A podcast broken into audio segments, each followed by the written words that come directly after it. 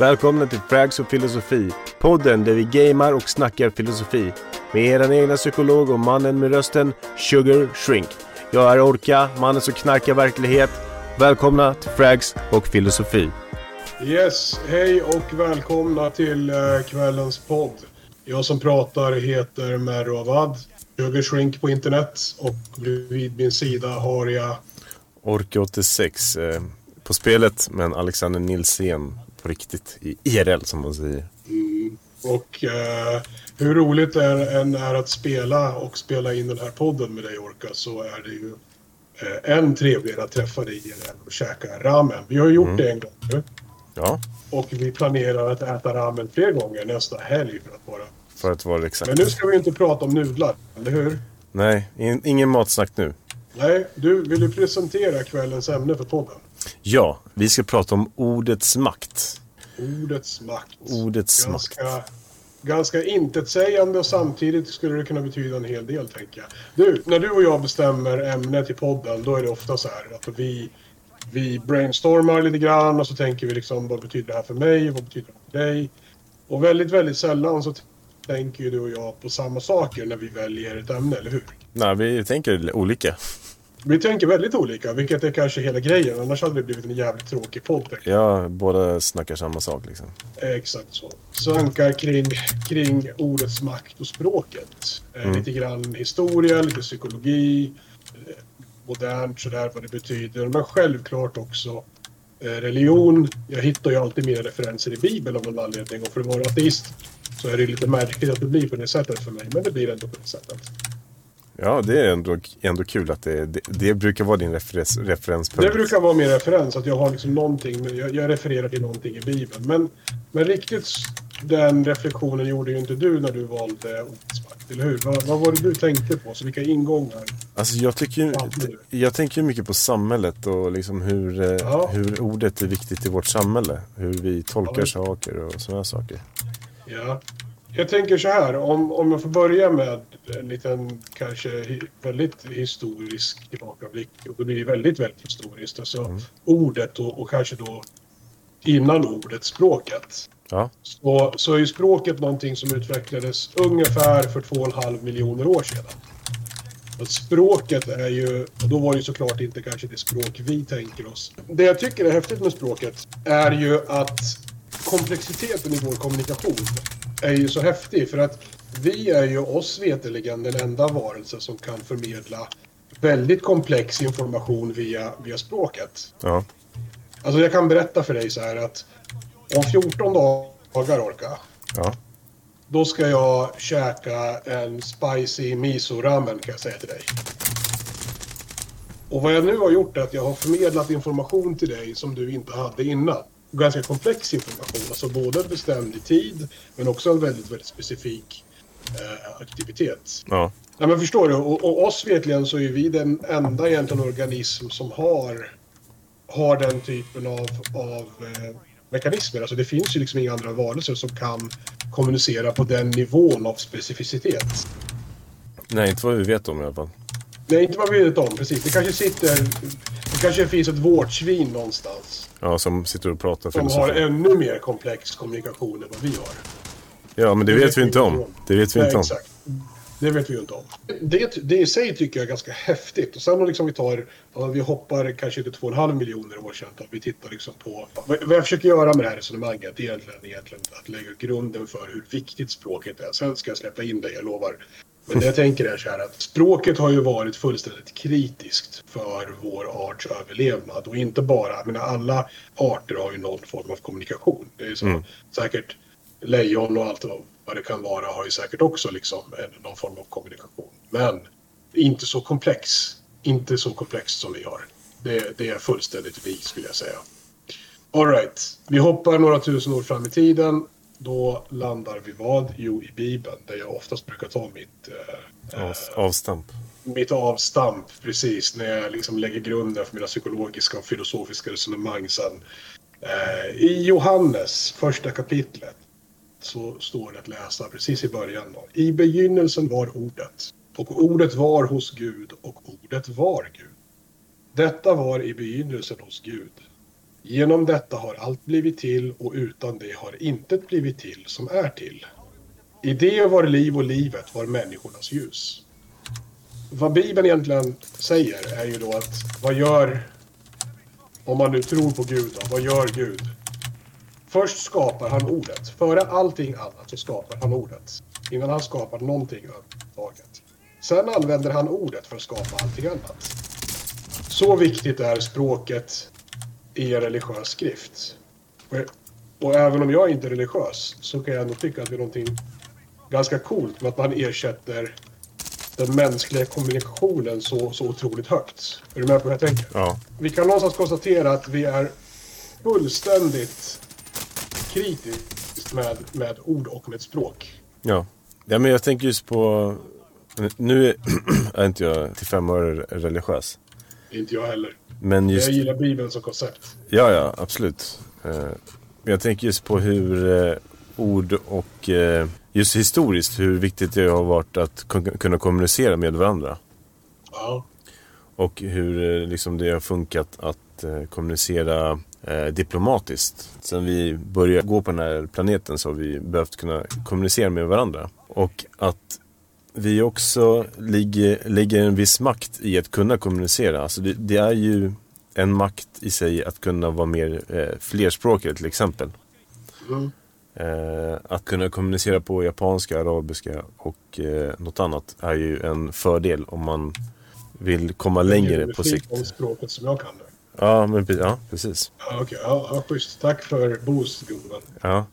Jag uppskattar det. Ja, okej. Så att kommunicera på flera olika språk är... Det blir en maktfaktor enligt dig. Det Ja, du kiosk. Så det är helt klart ett sätt att, att utöva och att få makt på. jo, men också i eh, dagens samhälle är det så är det viktigt också att kunna eh, värdesätta språket. Mm. Eh, hur man för sig. Alltså, man kan ju nästan få en eh, dålig stämpel på sig själv om man kommer och är ovårdad till exempel. Om man... Om man, om man kommer till ett sammanhang och man är ovårdad i språket. Ja, absolut. Oj, kontakt där borta. Yes, så kan du lätt få en stämpel om att du är väldigt oklok In i som, garaget. oklok som människa. Yes, jag går och tar bilen. Downad. Alltså jag, jag håller på, eh, mitt yrke som fritidsledare så är det ju att man ska föra samtal. Ja.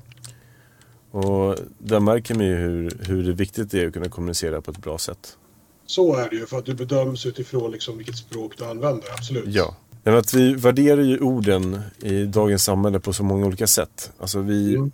vi belägger ju en viss makt i, i orden. Om till Mm. exempel, eh, jag ska gå, gå på det direkt, men typ, till exempel vi pratade lite innan om det, om just typ stand-up. Mm. Och hur man sköt, alltså hur, hur samhället nu för tiden kanske till och med låter att så här, ta, ta bort det, det blir den här cancel culturen som vi pratade om. Och, Men vi kanske ska gå igenom vad cancel culture faktiskt är för de som inte eh, har riktig koll. Det är, det är ett fenomen som i första hand finns i USA. Det. ja, Att man försöker cancella egentligen budskap som man inte tycker om eller hållit med om. ja. Vad har vi för exempel på det då? Exempel? Kevin Hart har vi som exempel. Eh, Ja. han skulle, det är hans dröm att köra liksom eh, Oscarsgalan. Blev, blev Mm. bortplockad för att han hade sagt någonting när han var typ, typ 12. Och då förstör man ju det syftet liksom. All right, så cancel culture är egentligen ett fenomen som finns i USA där man liksom... Det är även det landet som har uppfunnit den underbara termen safe space. Ja, och trigger warnings, min Och absoluta trigger favorit. warnings. Absolut. Trigger warnings också. Vi kanske måste förvarna folk att vi ska snacka lite här om vissa saker. Jag vet inte, jag skojar bara. Ja. Nej, och det blir bara större och större i samhället tänker jag. Alltså just hur man värderar vad folk säger och inte pallar ta det eh, man inte tycker om. Liksom. Nej men just hur så här att, eh, att, det, att det ligger så eh, vikt i att hur man eh, för sig och hur folk kan liksom få, en, få folk att få sparken om man han har sagt något olämpligt för typ 15 år sedan. Eh, Mm. Och nu är det så här, självklart så här, jag tror, jag tror att människor eh, ändrar sig på 15 år. Så är det ju. Eh. Det får man ju hoppas i alla fall. Ja, för mig är ju ordet en, en fri sak. Att eh, man skulle kunna, man skulle kunna uttrycka sig i, i, på ett visst sätt. Eh, och sen självklart finns det ju ord och meningar som man kanske kan värna lite mer om och liksom tänka efter på hur man faktiskt benämner sig själv. Liksom. Okej. Men det är också en del av vårt samhälle att kunna uttrycka sig genom ord. Det köper jag och, och jag håller ju med dig. Alltså jag tycker ju så här att om vi pratar om ordet och i sin förlängning kanske kulturen så, Ja. så är kulturen en extremt viktig funktion för att, alltså ur demokratisynpunkt. Alltså det måste Ja. ju alltid finnas, det måste ju alltid finnas en instans som kritiserar, skärskådar makten. Alltså även om det sker på ett humor, humorsätt och att det är roligt så måste det finnas en funktion som makten kan stå till svars för. Förstår du? Här har vi kontakt. Jag vet. Han är blå, Crackad. downad. Nej men eh, just att eh, vi, alltså, jag tänker på Dave Chappelle som har hamnat i, liksom, i stormväder. Ja, Eh, efter hans senaste stand-up på, på Netflix, Ja. hans Netflix special. Eh, och det, alltså jag förstår att man kan hamna i, i blåsväder för om man uttrycker sig. Men det handlar om att vi också ska kunna uttrycka oss. För mig är det det liksom, nästan det viktigaste att vi kan kommunicera Men- med varandra. där uppstår ju faktiskt en ganska intressant gränsdragning. För jag tänker precis som du, att det måste ju finnas en frihet i ordet. Man måste ju... Så du, de av er som har läst eh, 1984 vet ju att där försöker man liksom påverka hur folk pratar och hur folk uttrycker sig. I, i 1984 så målar ju George Orwell upp ett, ett eh, samhälle. I, hela det här med storebror och så vidare, de termerna kommer ju från den boken. Där man Ja. också påverkar språket. Du, du har till och med en ordpolis som, som straffar dig om du använder fel ord eller säger fel saker. Å ena sidan så måste ju ordet få vara fritt, men kan vi dra en gräns någonstans? Alltså, det ligger ju hos individen som man pratar med. Var drar vi gränsen då, Orka? Ja, Jag tycker inte vi ska dra någon gräns. Det, det är så jag är lagd. Alltså, jag, du kan säga vad du vill, men det är för att jag är den mest okränkta människan som går att hitta. Liksom. Okej, jag köper det. Men vi Men har ju det- ändå till exempel då lagar som hanterar hets mot folkgrupp. Är det, okej? För det är också ord. Alltså vad får du använda för ord? Förstår? Ja, men det, jag tror att det ligger... Det handlar ju om eh, hur det mottas av personen som, som ta, tar emot ordet. Men det är också en, det är en mer så här, ytterfrihetsfråga. Eller vad säger man? Okej, men om jag säger... Okej, nu för... Nej, fan jag vågar inte säga det. Ja, men, ja, men, ja, men jag alltså, tänkte dra till med någonting riktigt jävla grovt. Och sen säga... ja, Alltså, det går ju inte. Det blir uh, fälld för, för hets mot folkgrupp. Jag säger att jag uttalar mig liksom extremt kränkande om en folkgrupp. Alltså men så- verkligen så här, du vet... Ja, pissar på dem liksom. Ja, men då tycker jag att det är mer individen som är en eh, korkad individ. Hänger du med? Alltså det är så här, Lag, lagstiftaren håller ju inte med dig därför att det finns ju uppenbarligen ett brott som heter hets mot folkgrupp. ja, det, det vet vi. Och eh, Ja. jag, jag förstår det perspektivet alla dagar i veckan. Mm. Men jag personligen, Men jag personligen tycker att eh, vi måste kunna värna språket. Eller alltså, för mig handlar det så mycket om individen, hur, hur vi tar kränkningen eller inte. ja, Alltså, väljer jag att bli kränkt över allting, då kommer jag bli kränkt hela jävla livet liksom.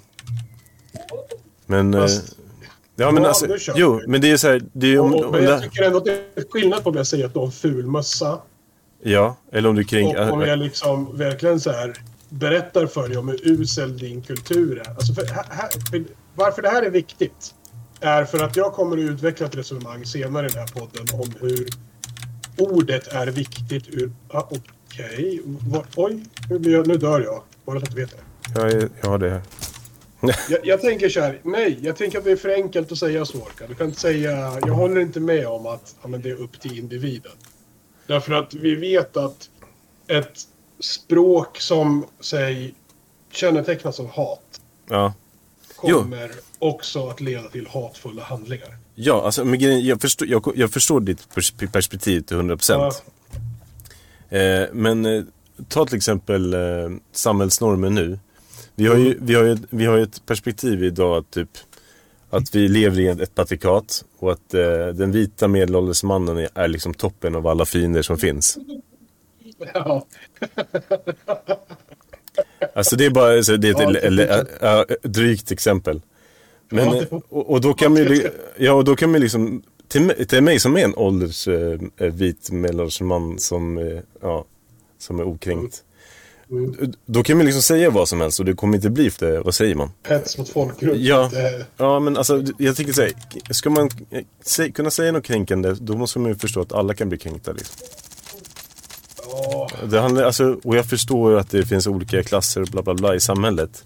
Men det är inte det jag syftar på. Jag syftar bara på att jag tänker på jämställdheten som vi måste jobba på tillsammans. Liksom. Ja, men ett problem är ju att vi har en, en kultur där du liksom inte kan skämta om någonting. Det, det är ett bekymmer, det håller jag med Men jag tycker inte att gränsdragningen är så himla enkel att göra när det gäller vad du får och inte får säga. Jag tycker inte att du ska få säga precis vad som helst i ett samhälle och vad som helst på vilket sätt som helst. Nej, alltså jag, alltså, jag, alltså jag förstår ditt perspektiv. Det är bara så här, det, för mig ligger det så mycket hos individen. Alltså hur vill, hur vill den här personen tolkas av sin omgivning? Och, och det har jag ju tänkt också just med att så här, vi pratar olika i olika liksom, miljöer. Alltså har jag familjemiddag så kommer jag prata olika. Är jag med mina kompisar så pratar jag olika. Och är jag eh, på en släktmiddag eller någon annanstans så kommer jag snacka helt olikt. Alltså, jag, så är det ju. Ja. Jag snackar ju helt annorlunda på jobbet än vad jag gör med dig eller ja. fritiden. Så. Man vill ju anpassa sig efter den miljö man är i. Alltså det blir ju fel om jag kommer till jobbet och snackar med dem som att jag skulle snacka med dig. Hänger du med? Eh, nu har jag ju väldigt högt i tak på mitt jobb och kunna, vi kan samtala här så att vi alla är fritidsledare. Eh, mm.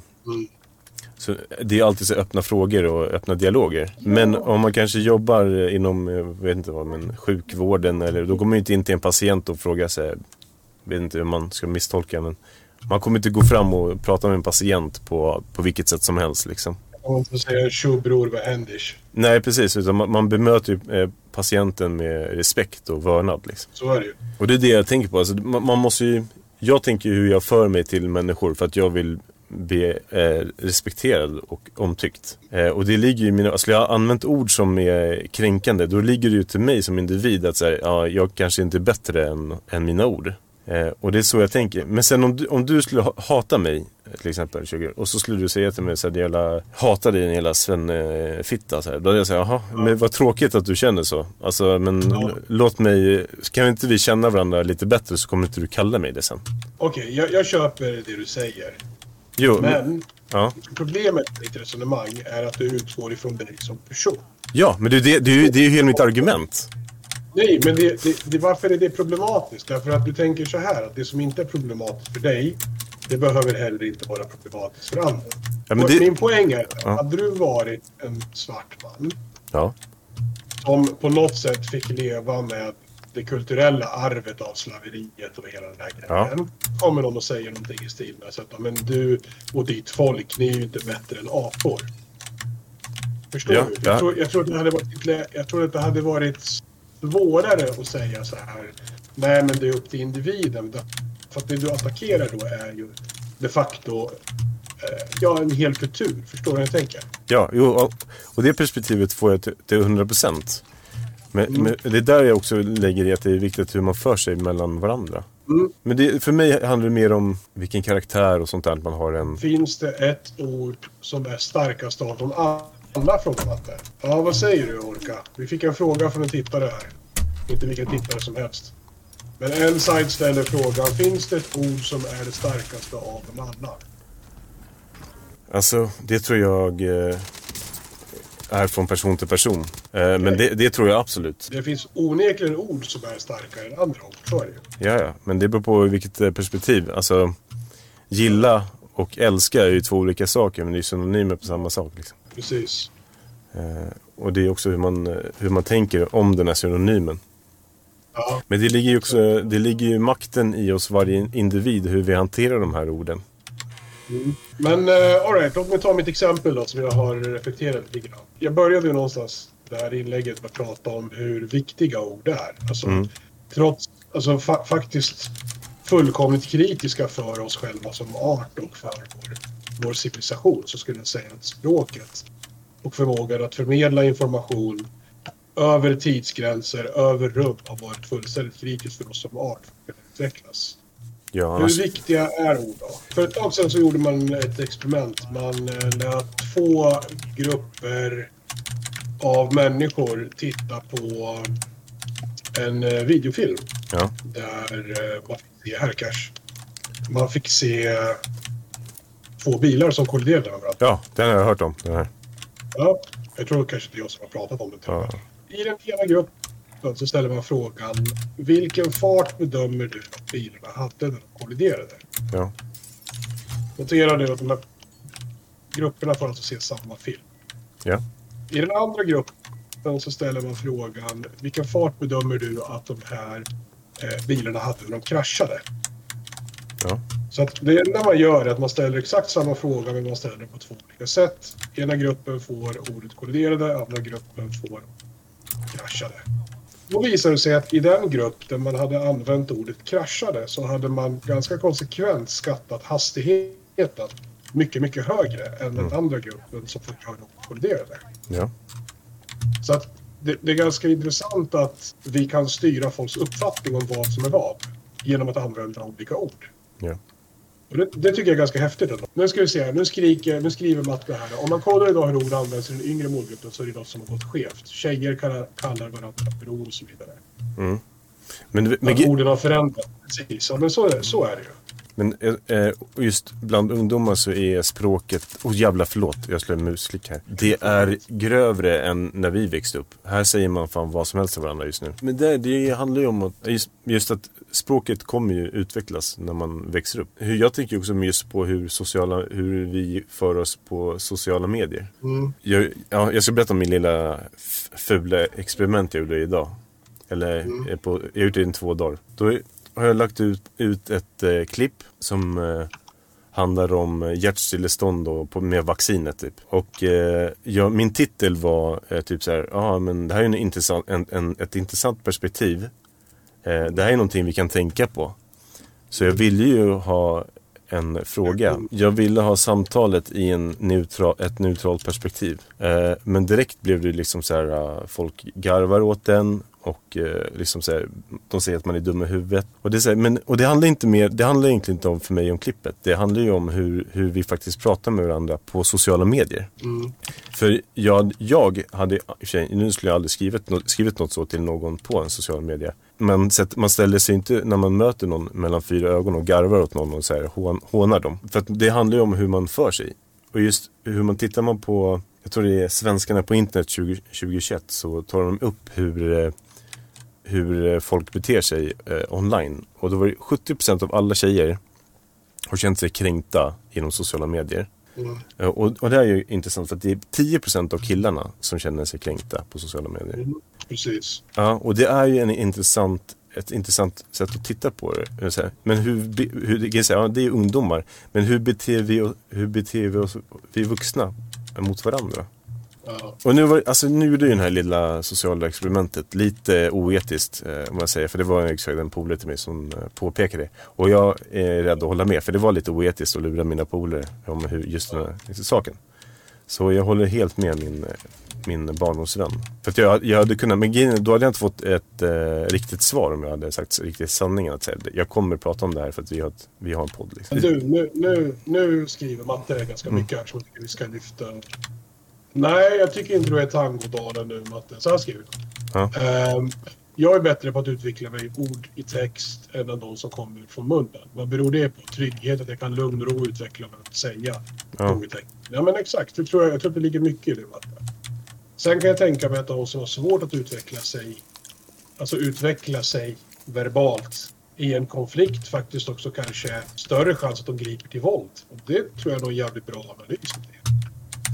Eh, Ja. Det, tror jag, det, det tror jag är väldigt korrekt resonerat faktiskt. Så tror jag absolut det kan vara. Jo men det, ja, det är jag. Det är ju, det är ju 100 procent. Det är ju det är också, Mm. jag hörde någon här, när, när krig nalkas så har samhället förlorat sina samhällspunkter. Något sånt där eh, sa, Mm. sa någon.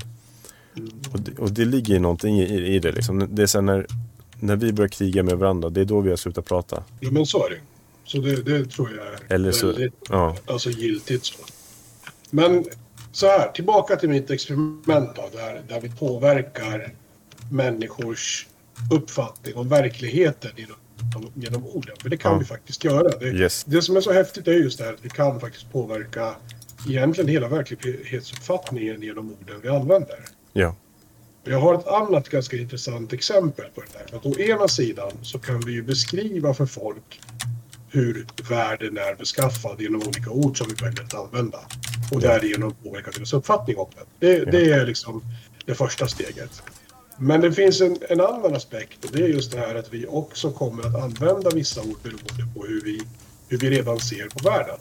Ja. Jo, eh, kommer ni ihåg för ett par år sedan så eh, ertappades ju några av Sverigedemokraternas högstad beväpnade med järnrör. Och så Ja. var det komikern Soran Ismail som de satte på och de kallade honom för olika saker. Yes. De kallade honom för Babbe och de pratade om någon tjej som de har träffat tidigare på kvällen. Och de kallade henne för eh, hora. Ja. All right. Eh, De flesta av oss är kanske inte så superförvånade över att ledande sverigedemokrater använder den typen av termer när de pratar om människor. Vi- Jag tycker att de är fascister hela gänget. Ja. Men det som var intressant var att när man konfronterade dem ordvalen då, så, så vi hävdade ju de här Anledningen till att hade här, liksom, använt sådana här ord var för att har varit stressade för de hade varit med om ett bråk tidigare på kvällen. Okej. Med... eh, Då blir min fråga till dig då, Orka. Hur ofta händer det när du blir stressad att du från ingenstans börjar kalla kvinnor för hora? Nej, det ordet. eh, Alltså jag vill påstå att jag inte använder det så ofta. Kan vi säga. Nej, in, inte ens om du är jättestressad. Nej, inte som jag är fett Nej, eller hur? Va- Vad konstigt. Vad konstigt. Därför att tydligen så är det så att om man- är sverigedemokrat, då, då är det ett ord man kan använda om man är lite stressad. Det som är intressant med det här är att vad ordet egentligen beskriver är ju en värdegrund som du redan har. Ja, så är. Det- Det är ett sätt att beskriva din omvärld så som du ser den. Så min poäng är så här att ord, vad gör ord? Jo, de tenderar både att beskriva omvärlden så som vi ser den, men vad de också kan göra är att de kan få oss att se världen på ett så, sådant sätt som vi beskriver omvärlden. Förstår du? Ja. Och det är det här jag tycker är farligt med ord. Därför att du och jag är överens om att det ska rå- rå- råda åsiktsfrihet. Inget snack Ja. det är inte så att jag tycker att man ska börja begränsa ordet. Tvärtom har jag tidigare pratat om att det är viktigt att vi har ordet, kulturen, det, det, det skrivna och det uttalade ordet som en, som en kontrollinstans gentemot Mm. makten. Ja. Men om du tittar på det som hände under Nazityskland till exempel så började det ju inte med massmord och koncentrationsläger. Det Nej. började med ord. Ja. Titta på folkmordet i Rwanda.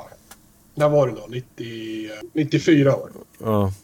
Jo, det, det- det, det var Hutus och det var Tutsis. Liksom. En minoritet reser sig upp och så börjar man liksom slakta, eller en majoritet börjar liksom slakta minoriteten. Och det, det som är intressant, har du sett Hotell Rwanda? Har du sett den filmen? Ja, den har jag sett. Kommer du ihåg vad de kallade de de slaktar? Nej. Kommer du ihåg vad de använder för ord? Konsekvent genom hela filmen använder de ett och samma ord för vilka, vilka fiender. Eh, Nu minns jag inte, men jag, an, jag antar att det är något, o, o, eh, något som ohumaniserar människan. Ja, exakt så. Någonting som dehumaniserar människan. De kallar dem för kackerlackor. Ja, det var, det var faktiskt min gissning som jag tänkte säga. Om, ja, exakt. De pratar aldrig om liksom, tutsis, utan de pratar om, om kackerlackorna. Ja, These cockroaches.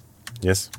Så- Och li, samma sak så var det ju liksom i, i Nazityskland. Man börjar ju använda till en början kanske, okej, okej, inte positiva ord, men definitivt inte så, så grava och så grova ord. Men sen blir det här gradvis värre och värre och värre till den grad att det börjar påverka människors värderingar, hur människor tänker och till slut då hur människor beter sig. Ja, men eh, tycker inte att vi är i närheten av det idag då? Hur menar du? Att vi ligger i närheten av liksom eh, Orwells eh, fantasi. Att vi, folk får bli av med jobbet för att de säger någonting. Och sådär. Det, alltså, det finns ju exempel på det. Så här, jag tycker att det är en jävligt svår ekvation att få gå ihop. Jag tycker inte att det här är enkelt. Därför att å ena sidan så måste vi värna friheten i ordet och vi måste värna friheten i tanken, eller hur? Ja, Det är till och med kritiskt för att vi ens ska kunna prata om en demokrati. Jag menar, vad gör de första, vad är det första diktaturer gör? Jo, men de begränsar de fria och kritiska medierna just för att begränsa ordet. ja. Så Och- det, så det, så det är viktigt. Och så tänker jag så här, andra jo men är vi inte där? Alltså är vi inte, alltså vi är inte Nej. där, där. Men eh, kan det inte vara att vi är på väg dit? Det beror på vem du frågar. Ja, absolut. Från Sverigedemokrat så är de, de stat, statligt finansierade medierna ingenting annat än propagandakanaler. Och sanningen hittar du bara på liksom obskyra jävla internetsidor som heter liksom tid, Nya Tidens Nyheter. Och Ja, ja, men alltså-. Jo, men, men där kan ju, där kan jag hålla med dig. Men det handlar ju om också så här, jag tänker så här, om, om det är någon som säger det, då kan, jag- då kan jag säga, ja men lyssna på vad de säger och eh, så här, vad, vad tycker de? Då får jag ju liksom forska i om, om det är någonting, är någonting som ligger en stråla sanning i det. Eller är det bara hokus, hokus pokus? För någonstans... Jag tror, inte det behöver vara, jag tror inte det behöver vara svart eller vitt. Ja, men jag tror att man måste, alltså jag tror att vi i overall behöver bli bättre på att prata med varandra istället, istället för om varandra. Absolut, jag köper det. Men jag, så här, jag tror inte att man, man kan inte säga rakt av så här nej, det sker ingen censur via statliga medler eller, medier. Eller, jo, det sker. Utan Mm. jag tror absolut att det sker en viss typ av självcensur. Ja, Och jag tror absolut att beroende på vem du har som chef så kommer de att se olika gravt och grovt på vad du säger. Alltså, Ja. Bara jag som kör den här podden har ju faktiskt en arbetsgivare som är offentlig. Jag jobbar ju inom sjukvården. Det är klart att fan jag även på min privata tid måste liksom fundera och tänka mig för kring vad jag säger på internet. Eller hur? ja, ja. ja men jag, är ju, jag sitter ju i samma sits. Exakt. Nej, men förstår du? Så, så det är klart att man, en viss självcensur kommer det att finnas både i organisationer och hos individer. Ja, Det är inte samma sak som att staten går in och censurerar medierna för att de är kritiska mot staten. Jag håller Ja. helt med dig om att det finns en woke, woke-mentalitet där ute. Där man nästan tävlar i att bli, bli så kränkt som möjligt. ja. Men det, är- och det är där jag ser ett problem. Alltså att folk blir så jävla lättkränkta. Men jag kan ta det här exemplet med, som jag tog innan, innan med dig, innan vi gick in. Det här med Jordan Peterson som är en, en psykolog i, i Kanada. Och eh, Det är ja, en ganska kontroversiell psykolog. eh, ja, Jag tycker han har vissa poänger. Problemet med Peterson är att han väljer... Han, han använder forskning lite grann utifrån sina egna synpunkter. Så, ja, men skitsamma, behöver... han är inte, han är inte den första personen som gör det. Nej, exakt. Men det är många som lyssnar på Peterson. Ja, ja men alltså vi ska försöka vara så neutrala som möjligt självklart. Ja. Eh, Men i alla fall, han eh, hamnade i blåsvädret. I Kanada så vill de ha ett nytt lagförslag där man måste säga rätt pronomen till en viss person. Eh, Och det här tyckte jag han var krångligt eftersom att han inte vet kanske vilket pronom som ska behövas. Eh, och då i så fall in, enligt den här lagen då, C, bill C16 så kan du då bli stämd på typ ja, x an, eh, antal pengar om du säger fel, fel perspektiv liksom. Ja, för honom handlade det inte om någon sån här transgrisemojse eller något sånt där. Utan det handlade ju om att det var en attack på yttrandefriheten. Tror du det är så? Jag uppfattar ändå Jordan Peterson som ganska konservativ. Liksom, och, Jo, alltså han är ju kon- konservativ. Men ja, lyssnar man på honom så tycker han att han är både höger och vänster. ja, okej, ja. Men och, och det är så här, jag har ju i och för sig eh, en av hans bok och håller på att läsa den. Vänta, nu, nu skriver Tom här. Jaha, nej, det- ja, det är faktiskt eh, Toms fru som har skrivit här. Jaha, en Ja. väninna hälsar på mig. Ja. Att kunna uttrycka sina känslor i ord är ett ovärderligt verktyg för att kunna fungera ibland sina medmänniskor och få ett bra liv. Att verbalt kunna sätta ord på eh, våra känslor ger oss känsla och kontroll och begriplighet över oss själva och världen. Sant. Ja, sen är det själv... Be henne gå in och följa min stream för det här. Ja. Evelina, följ eh, eh, Sugar på Facebook. Eh, och om eh, alla som tittar på eh, Sugars eh, Facebook, varför följer inte mig på Twitch? Nu känner jag mig kränkt. Orka 86. Nu känner jag mig kränkt. Nej men, eh, och sen fortsätter hon så här med att sen kan det vara, eller såklart, att det kan vara ett verktyg farligare än massförstörelsevapen, så som ni är inne på nu. Men jag tror att vi skulle kunna leva i en bättre värld om vi använder ord för att förstå oss själva och andra. Och där håller vi med henne till eh, 100 procent. Det håller jag med om. Jag tycker dock knäckfrågan, alltså precis som, som Evelina säger så är det ju så att, att ordet är ju, liksom, det gör ju någonstans världen begriplig och det ger oss en känsla av sammanhang. Det köper jag, ingen snack om det. Mitt problem är ju när den typen av begriplighet sker på bekostnad av andras tillvaro. Ja. Det är då vi hamnar i den intressanta frågan, ska vissa ord begränsas? Eller ska vi, ska vi begränsa ordet? Men, men, Det här tycker ja. inte jag är helt enkelt. Nej, det är ju jättesvårt. För begränsar vi orden så tar vi bort människors frihet. Det gör vi. Samtidigt så tar vi bort människors frihet konstant, hela tiden. Ja, Vi men- gör det genom, genom eh, höga skatter på tobak och socker och på bensin. Och vi eh, förbjuder dem att säga vissa saker. Ganska många som blivit fällda för hets mot folkgrupp på sociala medier. Man skulle Ja. ju kunna resonera att det är också en frihet som man behöver ha. Att kunna kränka vem fan man vill. Men där också måste vi också gå in på så här. äh, Vi pratade ju förut om att så här. Cancer culture, vi har ju safe spaces och trigger warnings nu för tiden liksom för att folk är blivit nästan för lättkränkta istället. Alltså det där, där kan jag ge ett exempel bara. Jag är med i en em, stor grupp på Facebook för psykologer där folk ett tag skrev trigger warnings om allting. ja, men vad fan är trigger det? warning, tillbaka liksom. Och man var okej, men alltså nu ska vi chilla lite grann. Trigger warnings, för er som inte vet vad en trigger warning är. Så en trigger warning är någonting som man av hänsyn visar till människor som man kanske vet har varit med om ätstörningar, sexuella övergrepp, olika typer av trauman. Så att nu, nu kommer jag liksom lägga upp en artikel som beskriver det här. Och det finns en chans att sånt här kan trigga dig om du har varit med om vissa saker. Förstår du? Ja. Istället har ju trigger warning, där var jag tvungen vid något tillfälle att opponera mig och säga att men hörni, nu, nu är ju inte trigger warning någonting vi ska använda för fullt fungerande människor. Än mindre en grupp psykologer som någonstans borde ha förmågan att reglera sitt eget känsloliv. Ja. Och så, så, så sådana fall ska kunna vara experter på det. Exakt. Det är ju deras ja, jobb. alltså. Du, eh, Eh, nej men eh, hon säger, jag vet inte om det är Tom eller Evelina som säger, men att de håller med. Men det dilemmat är ju tolkningsföreträdet. Och, och det är ju där jag står, alltså, det handlar ju så mycket om just eh, tolkningsföreträdet. Och det är så här, är, är personens, det är också svårt att tolka om en persons syfte är att kränka en. Det är också något så här, eh, man behöver ju tänka på. Missförstå mig rätt. Alltså vill någon person kränka dig så, så, eh, så kommer ju de göra det liksom. ja, men så är det ju. Men blir det inte väldigt svårt att uttala sig om människors intentioner? Det enda Jo, vi kan förhålla oss till egentligen. Jo men, men det gör vi också hela jäkla tiden. Så här, nej men det är Ja. för att den personen skulle kränka mig. Bara, Men hur vet du det? Alltså det är så Ja, här, det är sant. man lägger gärna vikt på vad andra ska tycka och tänka men inte kan blåsa sig själv liksom. Men det är ju bara jag, jag, jag kan göra fel liksom. Eh, Och, Nej, men det, jag tror att du har, att du har poängen där. Att, att vi, vi gör den typen av tolkningar hela tiden. Liksom. ja, men sen ligger det också liksom så här. eh, Jag såg någon så forskningsresultat så här. Jag trigger warning så här, på att forskningsresultatet. Så här. Men forskning i och för sig ska man alltid kunna förfråga. För att forskning är ju levande. Det har vi ju pratat om förut. Så att, så här, om jag har en forskningsstudie så vill jag att ni motvisar mig för att det är forskning och det ska motvisas. Det, det, är, det är så forskning ska vara tänkt att Ja, problemet är när, när vi lever i ett samhälle där forskning är sanningen. Ja. Ja, det, är alltså, det beror på hur man ser det såklart. I och för sig ett ännu större problem kan jag tycka att folk anser att deras åsikter är mer giltiga än forskning. Ja. Det tycker jag är ett bekymmer. ja, det blir ett problem. Ja, därför att om du inte förhåller dig till evidens överhuvudtaget, då, då har vi ett bekymmer. Ja, men, Alltså, och, det är det man det- och det är det man måste göra. Man kan inte bortse eh, från evidens. Ja, men det handlar ju också så mycket om just, eh, just det här ordet eh, tolkningsföreträde. Mm.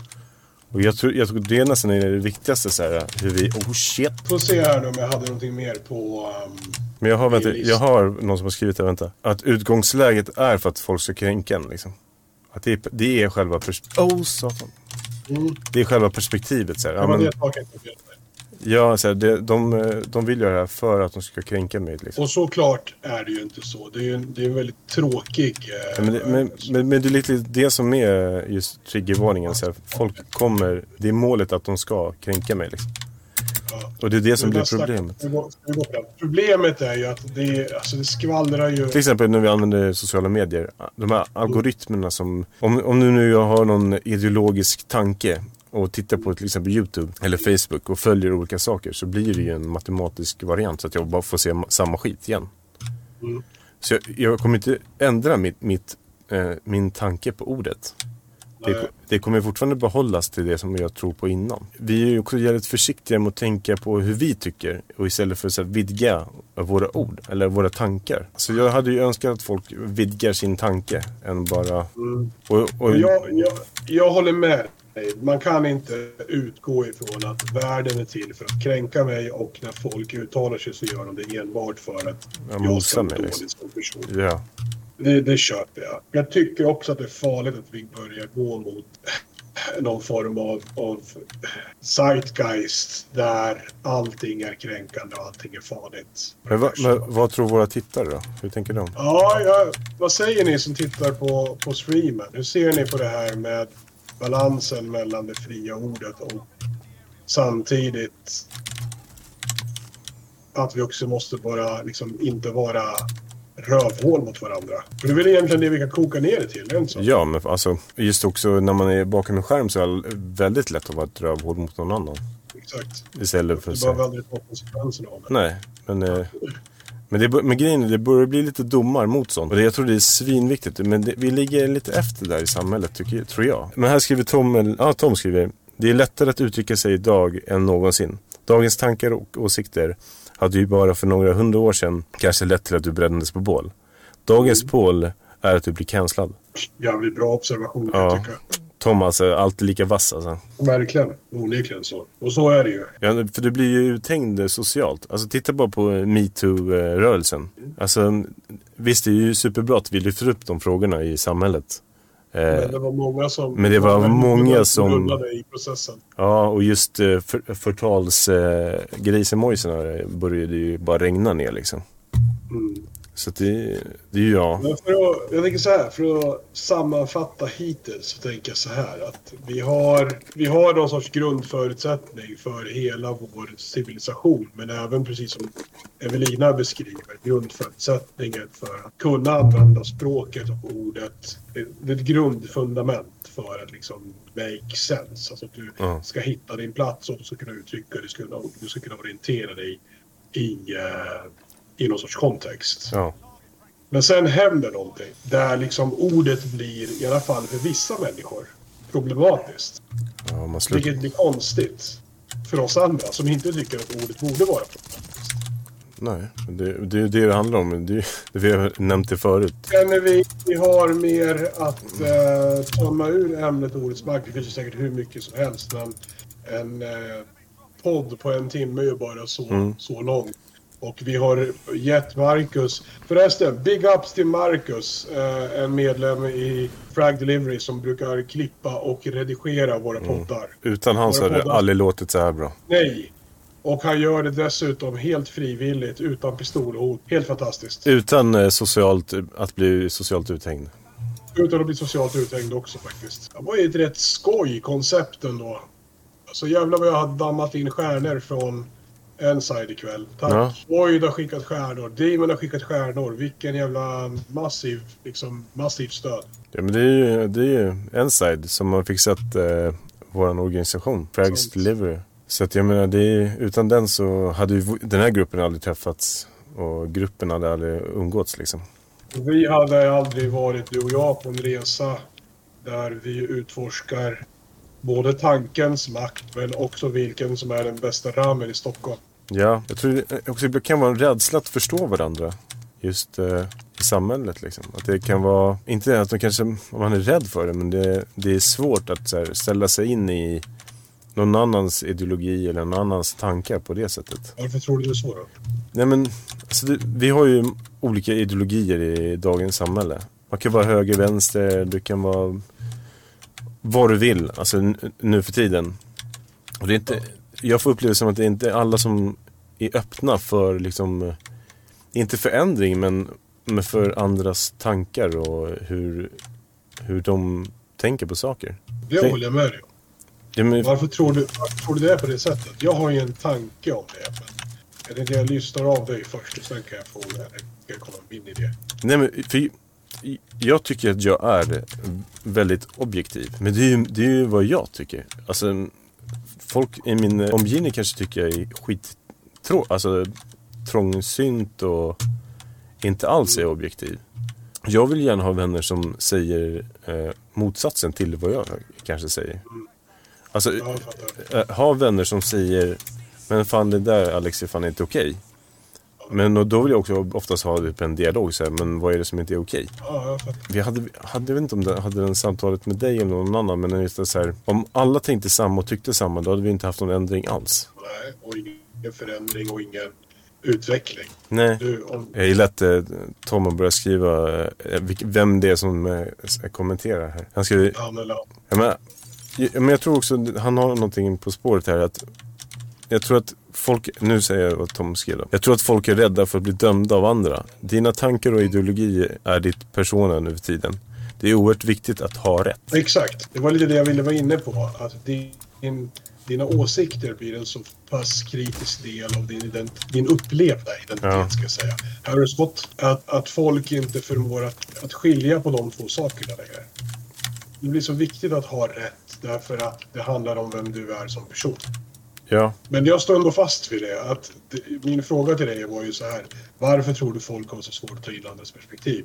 Och jag tror att det, det, det är så tätt för, alltså, intimt förknippat med identiteten. Det blir lite grann ditt varumärke, du är. Liksom. ja. Men, men det är det vi glömmer liksom, i dagens samhälle. Att, vår iden- identitet, den switchar ju hela tiden. Det är en, en rörande process. Ja, och det är ju också svårt att säga, ja, men, till exempel när, jag var, när man var ungdom, då var man liksom typ grudgare en, en vecka och sen nästa vecka, då var det ju bara typ eh, hiphop liksom. Ja. Och, och, musik är ju en, en del av, av ens identitet. Och sen om det är kontra sin könsidentitet eller sånt där. Det är, en, det är också liksom olika lager på den här frågan. Tänker jag. Men här skriver, här skriver Tom. Varför är det så? För nå- bara några decennier sedan var det på liv eller död. När det var krig mellan kommunismen och fascismen eh, och liberalismen. Det är ju inte på liv och död idag. Eller vad tror ni om det? Och sen har han skrivit, det kan vara så att förr i tiden så var det ditt land. Var ditt land kommunistiskt så var du det. Idag är du, alltså att personer är mer in, för individualismen som styr. Vilket kan göra att dina åsikter är mer känsliga. Att man identifierar sig, Man liksom framhärdar mer ja att, att samhället mer, blir mer, det handlar mer om Nej men jag tror det, det kan ju vara en, eh, en eh, näst, nästa ämne. Just hu- hur, eh, hur samhällen på så sätt, eller stater kan göra oss mer, mer låsta i ideologier än, än vad det brukar, alltså än något kontra något annat. Så är det ju garanterat. Om Mm. man tänker det hade varit att liksom växa upp i ett strikt kommunistiskt land. Samtidigt, det känns lite grann som att när man har haft de här människorna, om vi tar till exempel Östeuropa, så blev det på andra sidan järnridån, det absolut sista de vill är ju att kalla sig kommunister och läsa sig tillbaka dit, förstår du? Ja. De um, hade men- det ju extremt tufft att leva liksom. Ja men idag är det ju liksom, det säger, om, om det är någon som säger, ja men jag är kommunist.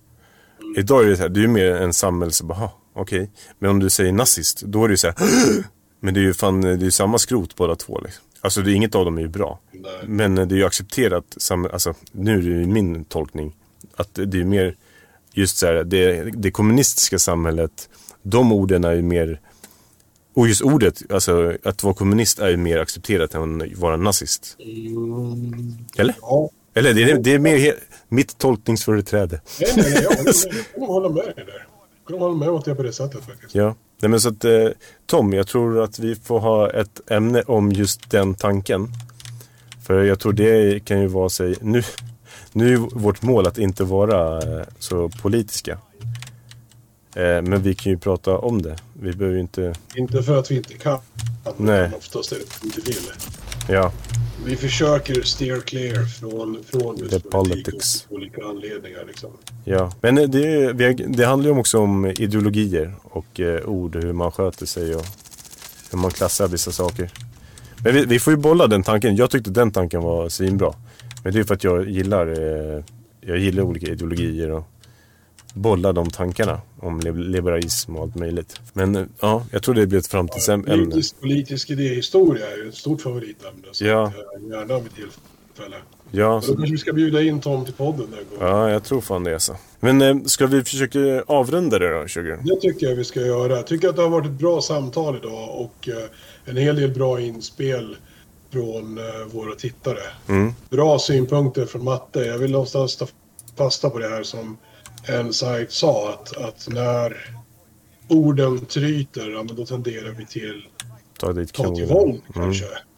Men kanske är det också så att när orden tryter Så nu för tiden så kanske det inte är våld som gäller utan nu kanske det är mina känslor du måste förhålla dig till. Och det är de vi använder istället för våra knytnävar. Mm, det blir försvaret. Exakt. Du får inte säga så till mig för då blir jag ledsen. Ja, och då kanske man inte får säga någonting alls. Till slut. Ja. Tror och hoppas dock inte att det blir så. Ja. Det skulle göra mig väldigt ledsen. Där- där- där, Det eh, skulle jag inte kunna hålla i den här podden då om det blev på det sättet. Jag vet inte, jag tror eh, det är många i vårt samhälle som redan är där idag. Jag vill i alla fall knyta ihop med att, att just i, eh, jag tänker mycket på hur vi för oss i sociala medier och hur vi samtalar med varandra. Föregår alltid som att vi pratar med varandra mellan fyra ögon eller i en grupp. Mm. För hur vi än vänder och vrider på oss så säger vi inte saker, eller ofta så säger vi inte saker som man säger online till varandra. Men börja om och tänk så här, skulle jag sagt det här till den här personen på det här sättet? På Facebook eller på Snapchat eller någonting. För det är ett växande problem. Speciellt bland unga tjejer. Mm. Så att vi måste verkligen som samhälle jobba på det. Just ur mitt, min arbetskategori så har vi märkt jättestor, alltså pro- problem med det. Så, Ja. Och vi vuxna måste ju ta det ansvaret och visa fram fötterna. Att Det fan, vi, man beter sig inte hur som helst. Vi måste ta hand om varandra, värna om varandra. Och till slut så kommer det bli superbra. Även online. Tack för att du har lyssnat på Frags och filosofi. Dessa avsnitt spelas in live på Twitch. Och vill du vara med i nästa avsnitt, skriv i chatten eller spela med oss som gäst. Vill du lyssna på fler avsnitt så finns vi på Spotify och på Tyresö närradio. Länk finns nedan. Tack för att du har lyssnat.